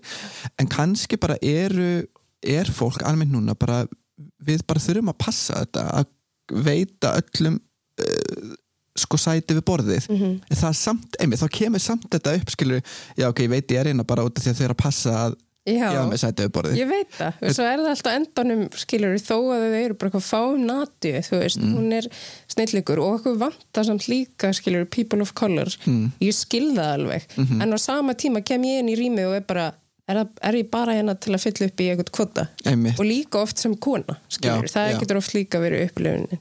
En það er einmitt líka bara almennt, finnst þér þú veist um, hefur þið fundið fyrir einhverju svona mismunum í þínum tækifærum hérna í samfélaginu sem öðruvísi einstaklingur eða bara sem öðruvísi kona pottet mm. ég næ, ég samt veit það ekki alveg ég á Mm. svolítið erfitt með að svara því sko Mm. um, að því að stundum veit ég ekki stundum Mm. veit ég ekki er það, þú veist, er ég ekki að fá þetta verkefni eða þessa vinnu út af því að ég er kona eða ég er brúnkona Mm. eða er það bara af því að ég uh, var ekki nógu eða skilur eða eitthvað, Mm. þú veist, ég stóð mig ekki nógu vel. Hvað var það, ég veit það ekki þú veist, Mm. en ég held oft bara mér finnst þetta oft bara svona kannski mér að hafa áhrif á sjálfsmyndina að maður er alltaf að efast. Maður veit ekki alveg. Mm. þú veist, maður er aldrei alveg viss af Mhm. fólk er að ráða mann. Og núna er ég ekki að tala um bara í öll- öllu það bara fyrir náttúrulega algjörlega eftir hvað það er. Mm en eins og þetta fari í pröfu og, og enginn er að segja neitt við þig Mhm. skilur, þú er bara beðin um að koma í þessa pröfu fyrir eitthvað hlutverk, svo lappar út og það er bara önnur dökk manneskja eða nokkra dökkar manneskjur fyrir utan og þú leggur bara tvo og tvo saman skilur mm. og þá fyrir að hugsa, ok, var ég þá verst af öllum þessum brún og var það þessuna sem ég var ekki valinn eða, Já. þú veist já, Einmitt. En það er áhverð að kannski mála upp dæmið, þú veist, að ímynda sér að mér finnst oftast aðsannalt að tala um eitthvað svona kvítt fólk, brúnt fólk, eitthvað neginn, en Já, þú veist, við erum bara í þessu, þú veist, en hérna en við líka búum á Íslandi þannig að maður er ekki vanuð í en þú veist, maður ímynda sér, þú veist, ef að hva, hvað ætli fyrir gegnum höf, uh, sko kollin á bara hvítri konu l- sem fer í pröfu og fer út þú veist, eitthvað hlutverk og fyrir utan eru bara hvíta konur. Hún fyrir ekkert endilega í ykkur pælingu um neitt, hún bara fyrir að pæli allir hafi staðið mig vel, allir fá hlutverkið. Já, og hún færi það ekki, þá bara hugsa hún að ég var ekki nóg góð já, í pröfunni. Hún fer ekki eitthvað svona sjálfs eitthvað svona eitthvað, sem hún getur ekki breytt eða skilur já, ég held nefnilega, sko, ef hún myndi kannski lappa út og hún er ljósara hávaksin og það eru bara ljósara hávaksnar konur fyrir utan, þá er þetta örugglega svolítið svipu tilfinning, skilur við. mm -hmm. og, og ég meina um, ég held líka að konur oft þú veist ég veit ekki, þau- ég held að líka oft að konur upplifi og það er oft bara sett miklu meiri þau skilur setta miklu meiri kröfur skilur að ég get alveg ímynda mér að það sé líka hvítar leikonur sem lappa inn í eitthvað rými eða skilur fara í eitthvað að pröfu og lappa út. Og hugsi síðan eftir og fjekki kannski ekki hlutverki að því ég er ekki nógu grunn eða ég er ekki Já, einmitt. eitthvað, skilur það er bara öðruvísi, öðruvísi staðlar já, stöður Já. en hérna en finnst þér eins og núna við erum aðeins komin inn á þetta skilur en ég bara velta fyrir mér Mhm. þú veist, mér finnst sem eitt líka sko breytingin á Íslandi vera mjög hröð í Já. þessum málum ég held að því það er alltaf núna að vera að pikka upp í svona, bara, ég tók dæmi áðan hann að þjólikúsi, skilur Mhm. það er alltaf að vera að benda fólki á, fólki er orðið aðeins óhrættara Mhm. við að gera það ég hef persónulega kannski aldrei tekið einhvern slag þannig Mhm. nema bara svona berskjálta sjálf með, með einhverjum svona skrifum og mér finnst það, það er bara svona mín leið Mhm. Um, en heldur þetta sé núna bara í, í bara núna á þessum tímum sem við lifum á að breytast, að fólk sé veginn bara þú veist, já, við erum fjölmenningar samfélag við erum að verða fjölmenningar samfélag og við þurfum að embracea það. Veistu það, nei, ég held ekki Þú veist, heldur við sem ekki þar? Nei, því miður. Mm. Veist, Ég er ekki ég, meina, ég er ekki með einhverja sannanir, ég veit það ekki en mín tilfinning er svo að flestir hér eru bara ekkert að pæla í þessu mm. og en ef mann, það er meðvitað um þetta skilur við, Mm. en mér finnst vanta rosalega mikið svona að fólk sko hérna taki ábyrð og bara á, eins og þjóðlíkusið Mm. sorry, þetta var bara ósla skrítið, maður var bara herðu, það er búið að vera hérna brjálu mótmæli í bandaríkjunum. Þú veist, sem bara tengjast rasisma og bara umræðan á Íslandi, hún bara, bara fór og flug, allan að mínumandi þú veist, allt í hennu frá hérna, komið fram fullt, fullt af sögum reynslusögum frá fólki þú veist, og og mín upplifin var bara svona vá, loksins fá þess að rættir að heyrast og loksins er fólk kannski aðeins að vakna. Og svo bara búm, kemur þessu auglýsing frá þjóðleikusinu og maður er eitthvað ha? Já, Vítu, ha? mm. Þú veist, og svo, þú veist, var, hérna, var ekki nýlistasafni sem hérna jú. uh, gerði svona open call uh, var að leita sagt, af artistum sem voru bara sagt, þú eru í rauninni bara að reyna að breyta þessu hjá sér þannig að þau væri ekki sagt, þú væri bara með hérna, fjöl, fjölbreyttari hópa artistum séu ekki alltaf að representa bara hvíta artista. Einmitt, og það var meðvitið ákvörðin hjá þeim sem ég varst bara úslega flott. Já, og hérna þannig að mér finnst það svolítið vanda hérna, það er allir svona já, já, já, já, já þetta er alveg rétt. En það gerir enginn eitt í því Mm, veist, og það er það sem þarf. Veist, það þýðir ekki bara að við hérna fá, fáu brúnu hræðinar hérna, sem eitthvað að garga á internetinu þú veist, fólki hér þarf líka einhvern veginn veist, sjálft bara að hugsa hvernig get ég, ef ég, ef ég er í þannig vinnu, hvernig get ég til dæmis á vinnustæðinu mínum mm. opnað fyrir eitthvað kannski er eitthvað lokað þar sem ég er ekki búin að gera mig grein fyrir mm. Mhm. og það er það hættulega við að vera í svona mónokultúr Mm það er að þess, það er, verður svona ákveðin bara blindni já, þú veist, það er bara, fólk er ekki nú opið og ég held að sé ekkert af því að allir eru svo fordómafyllir hérna, mm. það er ekkert þannig, þú veist, Nei.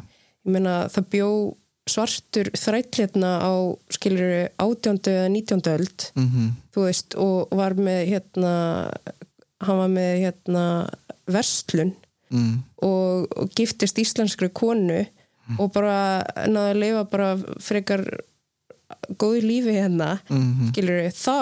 Og ég trúi alveg að sé hægt núna þú veist, en þetta er bara svolítið þú veist, það vill enginn taka á skari því ég held að það sé svolítið að það sem vantar. Einmitt. Af því að ég held líka að fólk upplifi þess að umræði fólk sem er ekki partur af ykkur minna hlutahópum mm. ég held að verði svolítið svona já, ég ætla ekki að fara að taka eitthvað pláss af þeim ég ætla bara að leifa þeim að hún að tala já, og ég, bara það sem þau segja bara, ég ætla bara að vera sammála því. Mhm, það er alveg ákveðin stunningur en þú þarft líka, þú veist, menna börniðin, það er börniðin hvít, skilur Mhm. og þau heimið þar sem þau þurfa aldrei að pæla í þessu. Hvernig ætlar að passa upp og þau verði ekki bara blind á fordóma skilur mhm, Fattaru, þú veist, þannig að mér finnst vanta meira svona að fólk sé bara svona taki þetta til sín. Já, já og, og, og geri eitthvað já, gera eitthvað on í hlutunum já, einmitt, já, ég, einmitt, ég get alveg verið sammálaðar því út af því að hérna og fyndi í rauninni sko finn ég bara með sjálfa mig ég, eins og ég sagði bara áðan ég, einhvern veginn, ég hef kannski aldrei beint tekið einhvern svona þú veist, einhvern slag eða tekið, eða þú veist, gerst, gerst eitthvað svona ákveðið. Þó að vissuleiti, þú veist, sé það að skrifa ofinbyrði vettvangi alveg einhvað, skilur, Já. þú ert einhvern veginn að varpa ljósu og spurningum og, og fá fólk, en þá er ég kannski meira bara að spila með meðvitundu fólks. Mhm. og fólk er ekkert endilega og það er kannski bara fyrsta skrefið og kannski erum við bara þar. Að, að þjóðfélagi kannski fara meira í þessa meðvitund. Mhm um þetta og kannski tekur það bara einhvern tíma fyrir síðan þessar þessar aðgerðir. Já, 100% svo finnst mér, mér bara ég verð samt líka að segja, ég held að yngri kynslaðin er miklu meðvitaðri mm. veist, og uh, tek, er miklu meðvitaðri um allt Já. bara yfir höfuð já, um mitt og fordómar þá og rasismi er bara eitt af því. Já, og hérna en svo er bara finnst mér kannski vanta svolítið hjá eldra, eldri mm. um veist, og bara minni kynslu líka, hann að, hérna en jú, en veist, það má náttúrulega maður má ekki heldur, sko, bara vera bara alltaf bara eitthvað, "Ah, það er allir bara, það er allt svo mónó hérna, Mm. þú veist, það er samt auðvitað líka, þú veist, ég finn alveg breytingu, þú veist, Mm. ég finn alveg bara eins og þetta, ég fæ miklu minna af þessum spurningum, þú veist, þessu microaggression Mhm. heldur en áður, þannig að þú veist greinilega er eitthvað að gerast en ég held að núna það var ég svona kannski að búast við meira að allir myndu taka þetta til sín sem sagt þessa umræðu. Mhm. en það var ekki alveg þannig en kannski þarf að, þarf að bara meiri tíma. Já, um mitt og það er kannski í rauninu bara góðs viti að yngri kynnslóma tekur eftir ekki bara varandi þessa hluti Já. líka bara veist, lofslagsbreytingar um, kynvitund já, og allt þetta, það er svo að sé bara rosalega, út af því að þetta er rauninu bara afleðing, þau eru að upplega afleðingarnar af allir þessari vinnu sem er búin að eiga sér stað áratöðina undan núna. Já. og ég held að þessi kynslu sem er núna að alast upp verður rosalega áhugavert að fylgjast með. Hva, hva, hvers konar típur og þú veist, eh, hvers konar um, hvers konar stjórnendur til dæmis verða Já. til núna í, innan, í fyrirtækjum og, og sem leiðtógar og svona? Já. Það verður mjög áhugavert að fylgjast með því. Já, 100% en, uh, en ég verð samt líka samt að segja þú veist að e, þú veist, ég hef verið mjög svona fókal um fordama og bæði fordama sem ég hef orðið fyrir og aðrir. Og hérna ég er bara að tala þú veist, það er til pistil sem ég skrifaði fyrir tíu árum síðan. Mm. þetta er bara nákvæmlega sama umræðan og er núna. Mm. heldur því. En þú veist, ég skrifaði líka pistil um feminisma fyrir tíu árum síðan. Mm. það er miklu meiri breyting þar ok, skilur þannig að ég kannski sé að breytingin hún er ekki að pröð Mm. skilur eins og með marg aðra hluti. Og það finnst mér vera bara hluta til af því að fólk loka bara svolítið augunum. Það er bara svona þetta kemur okkur ekki alveg við Mm. einhvern veginn, ég upplifa það svolítið þannig. Mm -hmm. hvað myndir halda hvað held, heldur að myndir þurfa að breytast? Er það bara þessar litlu aðgerðir sem að ekki litlu, heldur bara stóru aðgerðir en Ég- kannski líka litlu, þú nefndir líka að, að ræða bara fordóma við börni sín. Það er Já. lítil aðgerð sem að þú getur bara ákveð sem fóreldri að, að, að taka að þér. Já, ég meina það er eitt og svo finnst, finnst mér bara rosalega mikilvægt auðvitað að það séu fjölbreyttar fyrirmyndir allstaðar mm. og það var ekkert endilega bara fólk skilur, ekkert endilega bara people of color skilur, það er líka fatlað fólk og þú veist hérna fólk, þú veist, ég veit ekki sem er non-binary eða trans eða þú veist, það, það bara það þarf að vera þú veist, meðvitið ákvörðin um að þú verður að hafa þessa fjölbreytni. Og ég skil alveg að oft eins og til dæmis í þjólukusinu það eru ekkert margi leikarar til dæmis sem eru blandaðir. Mm. það eru, alveg til það eru ekkert, þeir eru ekkert eitthvað rosalega margir. Þannig ég fatt alveg sko að kannski stundum er erfitt að representa, veist, reyna að fylla inn í eitthvað kvóta þegar þú veist með óslega takmarka úrval mm. en á sama tíma, þú veist, hvað er hægt að gera í því? Þú veist, það er þá listaháskólan ekki aðeins að pæli því hverju þeir eru að taka inn í leiklist mm. kannski þurfa þeir að virka meira þú veist, kannski þurfa þeir gaggjast að leita fólki sem mm. er dögt til að reyna að fá það inn í skólan mm. svo fleiri útskrifist skilur við, ég menna hérna, ég veit ég, ég, þú veist, ég er ekki með svörin en, veist, en það hlýtur að vera eitthvað sem er hægt út af því að hérna þetta er eiginlega bara svolítið fáranlegt núna, sko, það er 2020 mm. og og einmitt í þessum pysli þá skrifaði ég mm. það er 2011 mm. eða 2010 mm. halló, okkur er fólk ekki veist, og maður er ennþá að segja þetta -hmm. og þetta bara vandar og þetta er bara úrslega mikilvægt mm. þó að þetta fólk sé blandaðir íslendingar eða fatlaðir eða veist, bara e, e, að þetta fólk sé minni hluta mm. það þýðir samt ekki að við erum bara ósynileg, við verðum líka að fá pláss og þá þarf að gefa okkur þetta pláss mm. af því okkur hefur aldrei, þú veist, við hefum alltaf verið ekki við, en þú veist mm. það er búið útiloka svo mikið þannig að mm. það verður að opna á einhvern hátt og ef það þýðir til að mynda, ef þú mannst þess að ég getur betur -hmm. hérna spurningaþættinum -hmm. þá voru alltaf bara gaurar í öllum liðunum mm. síðan var bara ákveð að setja jafnbryttisreglu þannig að það yrði allan að vera einn stelpa í hverju liði -hmm og það var fyllt á skólum sem voru á mótið þessu út af því að, og það voru líka stelpur sem voru á mótið þessu, mm. af því þær voru bara ég vil ekki vera valin inn í liði bara því ég stelpa Nei, en þú veist, það þarf að gera þetta já. til þess að Starta. þegar þær byrja, þá eru fleiri stelpur sem reyna að, að þau þær sjá sér fyrir hana Akkurat. og ég menna, okkur finnst fólkið að merkilegt að varafórseti bandaríkjana eða verðandi varafórseti sé hérna svört já, já, svört kona mm -hmm. blöndu kona þú veist, já, hérna okkur finnst fólki að merkilegt? Af því að veist, þessa konur hafa ekki fengið þessi tækifæri áður. Þannig að það er alveg merkilegt. Já, Já. er þetta er blaði sögunni, um, en ég held að ég mitt að svo segir að kannski gagvirt vil, virkja um, virkja eh, sko þessa hópa já, um, ef ég tala bara núna um bara, þú veist, húðlita fólk þú veist, í listaháskólanum á hva, hvaða breyt sem það er. Mhm, um, út í það getur líka verið ástæðan fyrir að þetta fólk er takmarkað er kannski út af því að þetta fólk heldur að það hafi ekki plás já. Og þess vegna er það ekki að leita í þessi tækifæri. Já. þótt að eigi sér kannski drauma um að vera leikari.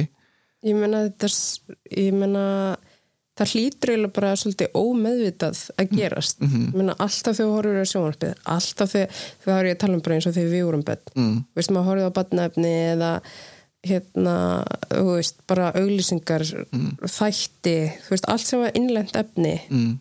það var aldrei eitthvað sem leit út eins og við Mm. og ef það var þá var hann eitthvað að leika útlendinga já, já, og það er, sorry, en það er það ennþá pínu þannig, það er bara Já. svona, þú veist eða þú ert indveri eða eitthvað svona eins og ég, þá svona bara já, þá ætti að vera ógstlega gáfaði læknir eða eitthvað svona tölvunörd eða eitthvað alvöru það er alltaf eitthvað svona, það er bara svona stereotypur þú veist, að því, eða þá að borða ógstlega mikið karri eða eitthvað skilur þess vegna eru allir svona hrættir við mig að því ég er arabisk sko.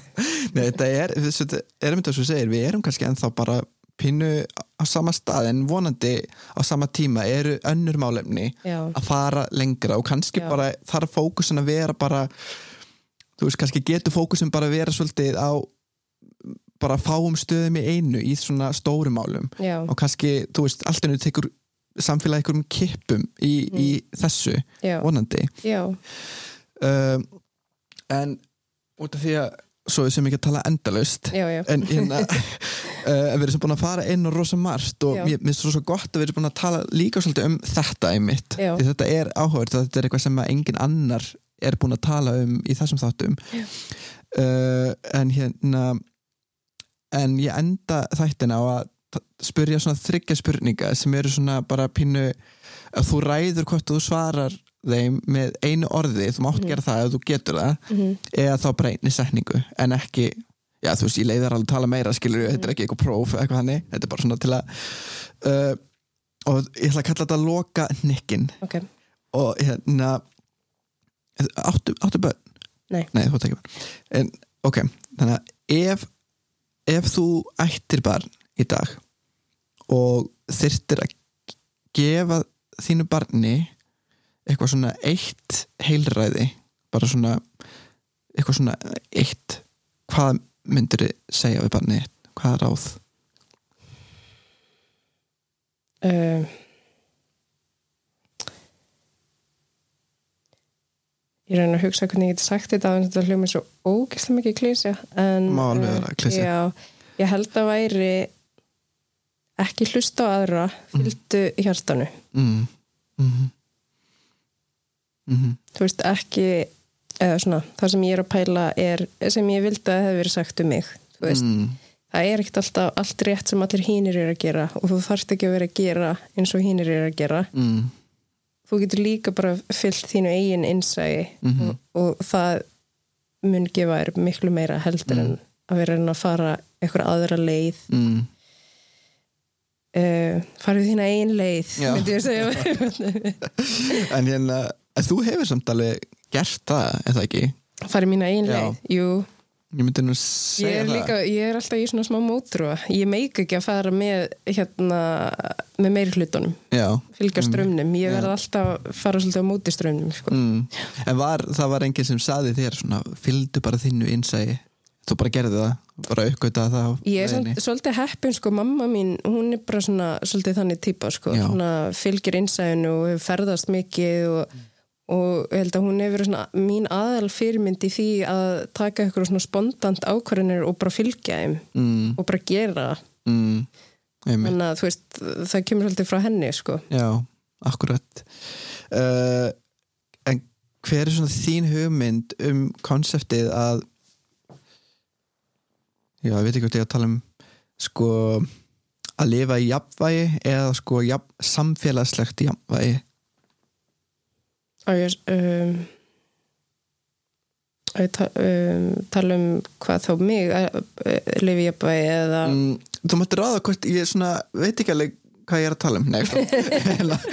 Nei ég er að meina já, þú veist, þú ræð, sko annars vegar sko andlegt jafnvægi fyrir sjálfa þig já, versus samfélagslegt jafnvægi. Já, og í hverju það fælst þá? Já, hvað er það fyrir þér? Ef eitthvað myndi segja bara, já hvað er tölum bara um andlegt jafnvægi. Já. bara það, hvað er það? ég bara tengi ekki við það hvað, what's that like? bara ha? Uh, hérna mm, jafnvægi. Vá. Góð spurning. Góð spurning. Ég hérna ætla að sé ekki bara já, ég held að stundum hvað ég reyna að pæla svona hvernig ég segja þetta í svona jafnvægi. Mm, að ég svari svo þannig að hvað, hvað væri svona hvernig ég ímynda mér að væri gott jafnvægi. Já, um, ég held að já, ég held að líkillin að góð jafnvægi mm, sé kannski er að hafa nógu gaman. Mm hafa gaman en uh, sko hafa gaman og geta slakað á.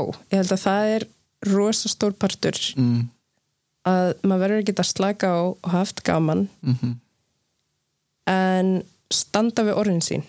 Mm, og vera ábyrðafullur og vera til staðar.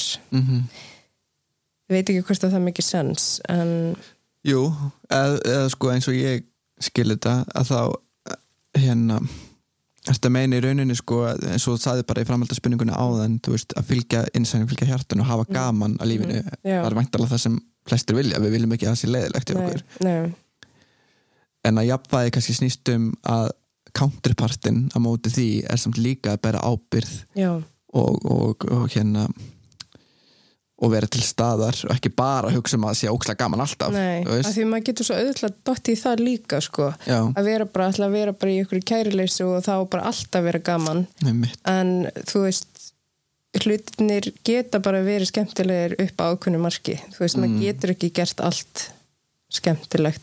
Mhm. ég veit eða ekki, mér finnst bara mjög erfitt að svara þessu spurningu.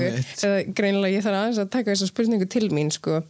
Ég, um, en ég held líka partur að, að halda sér í jafnvægi mm, er að hugleiða Já, út af því að maður þarf að sko, maður þarf að gefa heilunum rými og súrefni mm, bara fyrir að fá að bara vera heili mm, þú veist, hann vinnur svo mikið og hann er alltaf, og maður er með svo miklar áhyggjur alltaf, og kvíðinn og allt þetta að, þú veist eh, að því ég veit að það er eitthvað svo trendi að hugleiða, en þú veist sko bara hugleiða til þess að mér veist hugleiðst það er svona smá eins og þess að taka til mm, inn í hausnum að þér.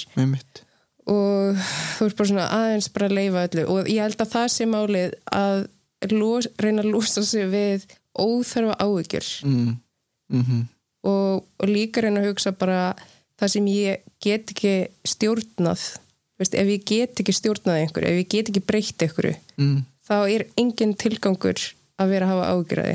Nei, vá, þú ert alveg að fyndi og því. Ég var ég var, ég var einmitt að tala um þetta við manni minn bara í morgun. Já, því hann er svona típa sem ég þól ekki.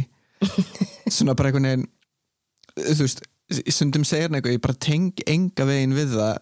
Þú veist, það kemur eitthvað svona já, en þú veist, akkur er þetta að vera að pæla í þessu? Ég veit ekki hvað þessi mannski er að hugsa skilur já, já, þú veist, út af því ég er alveg þannig bara byttu akkur er hann ekki að svara mér? Eða eitthvað, bara Já. eitthvað svona akkur sagði þetta, byttu ég er búin Já. að svara hann akkur er hann ekki að svara, já, þú veist, bara fimm mínútur síðar eitthvað, hann bara kannski bara, þú veist, farið bara að lifa lífinu, skilur Ég sá svo gott vídeo á TikTok þar sem var að tala um þetta. Hún, hennar uh, kona sem segir sko, þú veist ef þú veist alltaf að hugsa um hvað öðrum finnst eða hvað aðrir eru að hugsa um þig mm, þá ertu hérna then you're in their business. That's not your business. Já, og mér varst þetta líka bara svona þetta kemur mér ekki við. Nei. Hvað, okkur er hann ekki að svara mér? Já. hann er kannski busy eða kannski nennir hann ekki, kannski hann er vondu skapi. Það kemur mér bara ekki raskat við. Nei, hvað er ég að skipta mér að því hvað hann er að hugsa skilur já, þetta er náttúrulega bara rosalega hátti level á stjórnsemi líka. Já, að vera eitthvað pyrra sig yfir bara byttu og hvað, ætlar að bara fara inn í kollina manneskinu bara núna ætlar þú að taka upp síma og skrifa mér tilbaka hérna, gjör svo vel. Nei, og er líka sko, maður er líka bara svona að fylla upp inn í eitthvað eyður. Já, þú veist bara, já, kannski hann ekki að svara af því ég, kannski fannst það um eitthvað ég vera eitthvað, da, da, da, da, da, þú veist. Og, og þá er maður að sko að projekta sínum eigin hugsunum einhvern veginn á aðra. Já. Sem er mjög auðvelt að gera, það er sjúklega auðvelt sko. Já, en, þetta þetta er alveg farulegt og þess er mér svo mikilvægt að svo segir að þú veist, eh, hafa ekki óþarfa áhugjur, veist, hversu mikið er heilin að bara vinna í ykkur sem, er al, sem að þarf, þarf ekki að vera að Já, vinna í? já, því hann er að vinna svo mikið nú þegar bara leifa hann að fá space til að gera það. Já, nákvæmlega. Uh, einmitt. Uh, en alveg að sömu nótum að hérna, það er rosa mikið talað um svona, svona núvitund núna alveg mörg ár sem er alveg, þú veist, það meikar alveg sens mm um, mm, en svona hvernig þú lifir eh, lífinu, þú veist, fylgja einsæðin og gera það hluti sem þú hefur gaman af og svona, finnst þér mikilvægt að hugsa einn dag í einu? Já, ég á mjög erfitt með það. Mm, en ég held að sé freka mikilvægt. Mm, þú veist að hérna, maður verður bara úslega kvíðin ef maður er alltaf að hugsa um framtíðina. Mm, veist, það er bara maður er eitthvað að hafa áhyggjur af uh, aðstæðum sem hafa ekki eins og gerst mm. skilur, eða og munu kannski ekki gera eða muna kannski ekkert gerast. Að maður er bara í einhverju fantasíulandi mm. áhyggjulandi mm, sem er steig já, þú veist, okkur lítum, eða þú veist, okkur nota maður ekki tíma frekar í að fantasera um eitthvað skemmtilegra í framtíðinu, maður er alltaf með einmitt. En uh, já, ég þú veist, ég vikinu það alveg suma daga á ég auðveldra með þetta mm. skiljuru og sem að það er rosalega með, meðvitið Mm. um þetta Mhm. en mér finnst líka í svo COVID hérna, ástandi er maður búin að læra svo mikið núna er ég búin að til dæmis vera mjög mikið ein Mm. ein með mínum hugsunum Mhm. sem getur verið ah, all, þú veist, svo banalt sko Já. En líka á sama tíma þú veist, mjög svona reflektiv Mhm. og þetta var einmitt eitt sem ég komst að. Ég var bara, ég er með allt og miklar áhyggjur af framtíðinni. Mm. þetta er náttúrulega bara algjör klísi en þetta er bara satt, ég er bara með allt og miklar áhyggjur af framtíðinni eða er að hugsa ómikið um annarkvort fortíðina eða framtíðina að ég er ekki í núinu. Og ég næ ekki svona að njóta bara momentsins hér og nú. Mm. En ég held að það sé bara svolítið mikilvægt. Maður verður bara að taka einn dag í einu. Og það er það sem ég hefur þurft að gera núna í COVID. Já. maður getur ekki plana neitt fyrirfram. Maður veit ekkert hvað er að fara að gerast. Mhm. en maður verður bara að fókusera á daginn í dag þú veist. Ég mitt Ég held að, ég ég ætla að hérna vonandi í lok þessa ástæð ætlum við að reyna að hafa eitthvað svona þátt þar sem við erum að fara svolítið yfir 2020 já, bara þú veist, hvað er maður hérna, hvað er þetta ár búið að kenna okkur, ég held að það er bara að kenna okkur rosalega margt. Já, og ég held að við megum ekki einhvern veginn glata þessu tækifæri því þetta er í rauninu einstakt tækifæri fyrir bara okkur sem mannfólk. Þetta er í rauninu bara equivalent við hvað er orðið fyrir það, svona sambarilegt eins og við bara World War II í rauninni, þetta, þetta er svo þetta effektar okkur öll. Já, þú veist, þannig að þetta er ekki eitthvað svona þetta er alveg stort og minna, pappi minn sem er fættur þú veist, hann er upplega ekki stríðið eitthvað þannig en hann er þú veist fættur 56 og hann var Já. að segja þú veist, ég hef aldrei upplegað svona tíma Nei. á minni lífstíð nei, og hann er yfir 60 skilur, hann er alveg 70 já, þannig að þú veist, þetta er alveg moment. Já, þetta er alveg eitthvað sem þetta er vendipunktur fyrir okkar kynnslóð já. Þetta er líka sko að hluta til fyrir okkur hérna í vestræna heiminum. Er, þetta- var þetta líka bara svona smá slap in the face? Og það við og líka hérna á litla Íslandi þú veist, við erum bara við erum svo heppin, skilur við þú veist, allt í einu fatta maður hvað maður hefur mikil forréttindi. Meira þess að núna meðan COVID er skilur við, þá er maður bara að sjá hver staðan okkar er mun betri heldur en hjá mörgum öðrum löndum. Algjörlega. Og hérna, en þetta er líka bara svona fær mann þú veist að maður held aldrei held ég að þetta myndi gerast á minni lífstíð, ég hef bara aldrei pælt í að það er eitthvað heimsfaraldur mm. veist, og þegar svínaflensan var eða fugglaflensan, veist, þá var maður bara eitthvað, eða þetta er bara eitthvað í Kína eða þetta er bara eitthvað í Asíu, þetta kemur okkur ekkert við. Mm. og ég er svona smá að vonast til allan að gera það hjá mér, þú veist, þetta býr til meira svona samkend með heiminum skilur Mm. einmitt, þannig að uh, sem er bara held ég gott fyrir okkur. Já sem Algjörlega. höfum það svona gott. Og þegar við höfum það mjög og líka bara, bara sérstaklega á Íslandi, bara akkurat hér já, þú veist, í þessum faraldri að hérna, að við þessu, við erum, að margir að kvarta þú veist, á samfélagsmiðlum og kommentarkjörum og svona, já, yfir einhverjum aðgerðum og eitthvað svona, ég get ekki farið á jammið og eitthvað um, ég skil alveg og það má alveg, þú veist, það má alveg vera skilur pínu pyrrar yfir því að koma ekki á jammið og eitthvað svona skilur eitthvað, sérstaklega kannski ég geti ímyndað mér að sé örugglega bara mjög erfitt eins og fyrir einhleift fólk sem býr eitt já, eins og mig Nei, ég meina þú veist, ég get bara ímyndað mér að það sé Já. í raunverulega bara í alvörinu erfitt og það það, er mjög erfitt að þú getur ekki knúsa neitt Já. heldur einmitt og þú veist, en hérna en ég held að þetta perspektiv sko, maður horfir á allan heiminn og bara bara í löndu sem er ekki það langt frá okkur bara eins og í Frakland og Þískalandi og Spánið sem var bara útgöngubann skilur, þú gæst ekki sem farið út nema að vera með eitthvað vottorum og vera að fara að þú heiti, heiti þetta ert að fara í búðina skilur, mm, já, þú veist, við erum allavega ekki þar. Þannig að við getum alveg verið þakklátt já, fyrir að vera hér já, og mega mega fara út úr húsi já. og vera allavega tíu saman já, 100% og mér finnst það líka það er smá búið að björga mér í þessu að því að á tímabili dætti ég smá í svona sjálfsorkun á því að ég bjó ein, eða bý ein. mm. og hérna og bara mér leið bara svona eins og þú veist, ef ég myndi bara deyja heima hjá mér þá myndi bara enginn taka eftir þú veist, ég var alveg bara komin þar eitthvað neginn en þú veist, það sem er búið að hjálpa mér er líka að setja hlutina í stærra samingi Mhm. og bara svona þú ert allan í íbúð skilur við, þú ert, þú átt þitt eigi heimili Mhm. þú veist, og hérna þú ert ennþá með, ég misti partavinnunni, skiljur, Mm. en ég er samt ennþá með vinnu, ég er ennþá að fá tekjur, ég get ennþá keft mat, Mhm. uh, þú veist, og allt hitt er bara luxus, mm. skiljur, sem maður er að missa, finnst mér svolítið. Ég veit, ekki það, ég veit að það eru samt margi hérna á landinu sem hafa bara lent, farið mjög illa út úr þessu COVID ástandi og mist vinnina og bara er með lítið á milli handan og ég ætla bara alls ekki að gera lítið úr því. En fyrir mína parta þú veist, þá þarf maður líka stundum einmitt þetta. Og kannski er það líka partur að vera í jafnvægi. Það er að vera þú veist þakkláttur fyrir það sem maður hefur sem maður oft bara tekur sem, hérna, þú veist maður, uh, hvernig segir maður uh, you take for granted. Já, sem, sem maður tekur sem gefnum hlut. Já, tekur sem gefnum hlut og það er bara, þú veist uh, og það er einmitt líka þessi hlutir sem maður misti, skilur núna í ástandinu, sem maður tók sem gefnum hlut áður, Akkurat. þú veist, og núna er maður búin að missa það, þannig að mér finnst þetta líka að hafa veist, þetta kennir manni að vera kannski þakklátur fyrir það sem maður hefur. Mm. ég er bara rosa það, þú veist, þó ég ég er enda búin að vennjast þessu núna að vera ein svona mikið, ég er alveg bara ég er alveg farin að fíla það smá Já, já.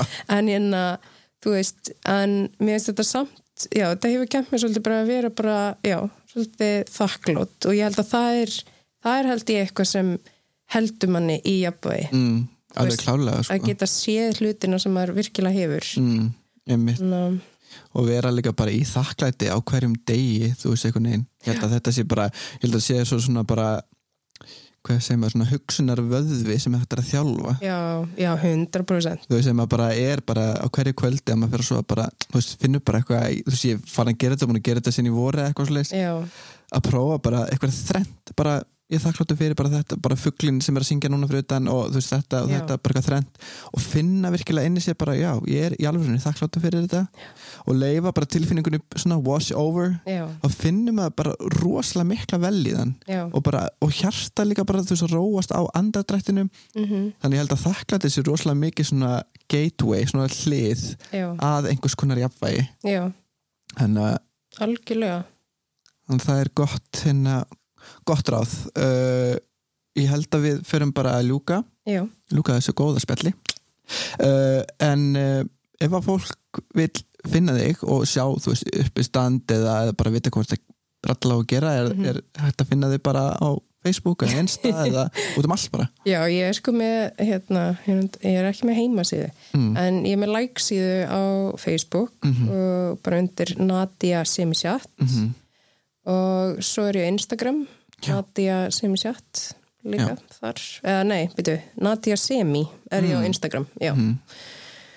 Uh, já, ég er svona aðalega þar og svo er ég bara, bara mæli ég með því að hérna, fylgjast með kramúsinu já, já, þú veist, ég er náttúrulega mjög mikið þar og er að vinna þar. Mhm. þannig að uh, já, þannig að þið eru náttúrulega með streymi og, og eitthvað alls já og við erum með þarna, þennan hóp fólkið í kramúsinu þar sem við erum alltaf dæla by- byrtum hérna, streymi sem er bara ókipis og er fyrir alla. Mm frábært. Þannig að ég mæli með því að þið tjekkið á, á hérna Nadju svo fyndið því að nú svo vanur að að, þú, veist, ég, þú veist, vissi ekki ég, ég myndi allt samt í hug væri kvöldin Nadja sko. En, en, en það samt verður auðvelt fyrir mig að vennast því. Þannig að ég mæli með því að fylgjast með Nadju á Facebook og Instagram og Kramhúsinu og svo eða þetta með, með, uh, með mér líka og hérna og ég er bara Friðrik Agni á öllum samfélagsmiðlum og já, bara verið í þakklæti og verum kátt